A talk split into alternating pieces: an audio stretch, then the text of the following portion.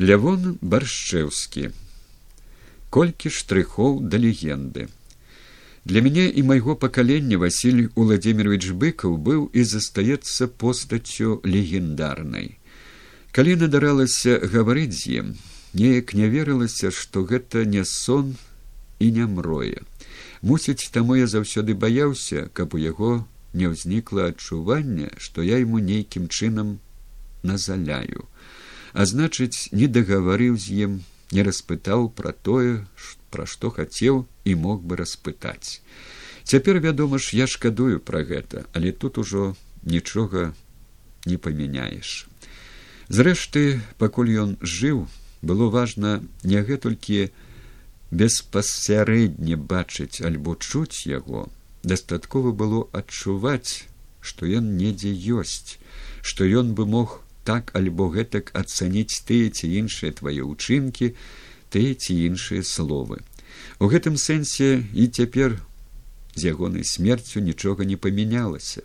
Думаецца а вось на гэта ён бы сказаў так а на тое зрэагаваў бы наступным чынам. Я вучыўся яшчэ недзе ў девятым класе полацкай школы калі першы раз убачыў яго на свае вочы памятаю сустрэчу з настаўнікамі і школьнікамі ў полацкім доме культуры у якой бралі ўдзел некалькі літаратараў. Але запомніў я толькі васіля быкова бо трымаўся ён найбольш сціпла і быў увогуле нешматслоўны. Даючы зразумець тое што ён хоча сказаць іншым ёсць у яго творах прачытаць быкова натхніў мяне мой брат вадзім які ў сярэдзіне семидесятых гадоў вучыўся ў бДУ на расійскай філалогіі. Памятаю яго фразу што по-беларуску самую лепшую прозу піша василь быкаў. І з таго часу я не прапускаў выхаду ніводнага быкаўскага твора На пачатку мне здавалася і праз гэта перадусім прыцягвала маю ўвагу тое, што сюжэты і героі аповесцяў быкова вельмі ўжо стасуюцца з тым, што сам чуў з расповедаў пра вайну бацькі франтавіка. У выпускным класе настаўніца беларускай літаратуры, згадаўшы пра фактычна забароненую тады аповесць мёртвым не баліць, звярнула нашу увагу на тое, што быкаў у сваіх творах крытычна паводле яе слоў ставіцца да афіцэраў палітработнікаў, якіх, дарэчы, недалюбліваў і мой бацька. Добра памятаю таксама, што у нашым інтэрнаце дарэшты з русачанага менскага і няза кожны новы апублікаваны твор быкова незаўважаным не заставаўся. У 1986 годзе планавалася адкрыццё аматарскага музея владимира караткевича пры аршанскай сярэдняй школе нумар три я меў заданне ад тамтэйшай моладзевай суполкі повязь прывесці туды ў якасці экспаната кнігу з быкаўскім аўтографам падчас прэзентацыі ў сталічным доме літаратара фільма знак бяды михаила птушука я так і не наважыўся сам падысці да быкова і попраціў анатоля сідарэвича дапамагчы мне выканаць просьбу аршанцаў. Быкаў як я памятаю з асаблівай пашанотай паставіўся да гэтай просьбы калі ў кастрычніку 1989 года быў утвораны архкамітэт беларускага народнага фронту і я даведаўся што ў яго склад увайшоў василь быкаў гэта прадвызначыла маё далучэнне да адной з наваполацкіх групаў падтрымкі бнф мяркую што гэткіх як я у той час было нямала наше асабістае знаёмство адбылося не так і даўно калі я ўжо быў дэпутатам верхоўнага савета беларусі ад апазіцыі бнф. Добра ўзгадываю першую нашу жывую размову падчас другога з'езду фронту. Я падзяліўся сваімі юначымі ўражаннямі ад бацькавых успамінаў пра вайну паспрабаваў правесці паралель з уражаннямі ад прачытаных быкаўскіх твораў але я выразна адчуў што погляд сталага быкова на ваенную рэальнасць іншы Василь Владимирович бачыў у вайне найперш агромністую трагедыю дэградацыі чалавечых душаў, а зусім не рамантыку геройства. Пазнейшыя размовы развівалі ува мне гэтае ўяўленне і быкаўскі артыкул горкі смак перамогі красавік 1995 года толькі падмацаваў яго. Уражвала мяне ў гэты час і іншае, не будучы ад прыроды чалавекам схільным да таго, каб займацца актыўнай палітыкай, быкаў ніколі не адмаўляў, калі трэба было выступіць на важным мітынгу, на сойме альбо з'ездзе бнф.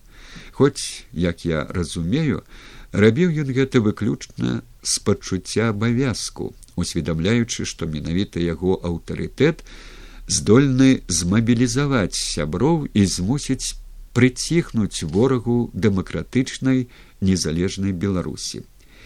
Василь быкаў вылучаўся сваім выключным гуманізмам імкненнем беражліва ставіцца да іншых людзей тых хто спрабуе нешта зрабіць для беларусі калі ў траўні 1996 года мне давялося прыняць на сябе выкананне абавязкаў старшыні бнф ён сказаў літаральна наступнае Я ведаю, вам будзе неймаверна цяжка і спачуваю вам, але разлічвайце на мяне, я дапамагу усім, чым магу.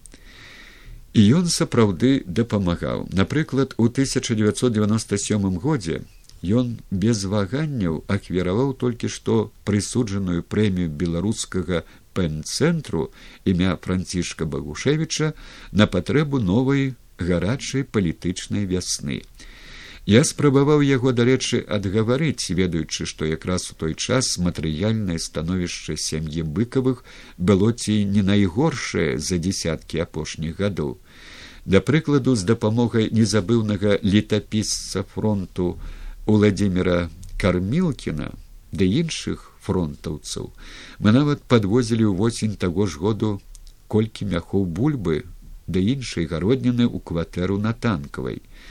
У пачатку сакавіка 1998 года мне сполнілася 40 гадоў.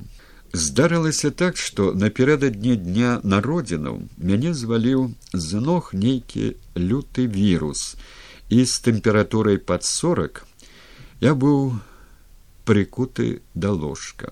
Першы віншавальны званок у гэты дзень я атрымаў ад Васіля быкова і ледзьве здолеў выціснуць сябе колькі словаў шчырай падзякі.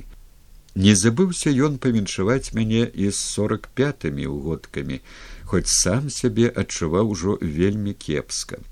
Напэўна, нельга тут не ўзгадаць і сітуацыі падзелу ў беларускім народным фронте, што склалася ў сярэдзіне і напрыканцы 1999 года.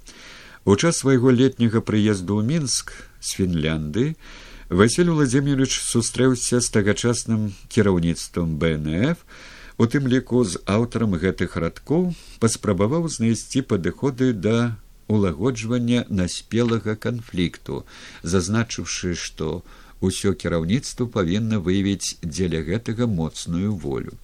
Калі ж раскольніцкая пазіцыя групы папкова крыварота атрымала канчатковую падтрымку зянона пазняка якога Васіль Владзімирович вельмі моцна паважаў, быкаў пісьмова засведчыў сваю прыхільнасць да старой партыі БНФ без кансерватыўна-хрысціянскага прыдумку. Прычыны гэтага ён, здаецца, выразна патлумачыў у сваёй доўгай дарозе дадому. Асобныя старонкі спатканняў з быкавым звязаныя з яго візітамі ў беларускі гуманітарны ліцэй. Іх было некалькі. У часе творчых сустрэчаў Васіль Владимирович запомніўся вельмі уважлівым стаўленнем да пытанняў ліцэістаў. Ён імкнуўся адказаць на кожнай з іх як найпаўней, змушаючы юнаковы дзяўчат паглядзець на навакольны свет сапраўды па-даросламу.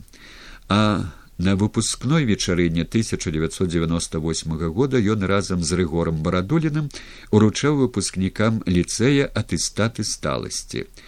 На жаль, застацца на ўрачыстую вечару абодва яны не змаглі, даймалі усё тыя ж балячкі. Але калі я прапанаваў замовіць таксі, каб адвесці гасцей дадому, Васіль Владимирович рашуча запярэчыў, сказаўшы, што яму будзе ямчэй спакойна паціху прагуляцца дадому пехатою. Рыгор Иванович горача яго ў гэтым падтрымаў. Беларускі ліцэй заўсёды заставаўся ў поле яго пільнай увагі і пазней.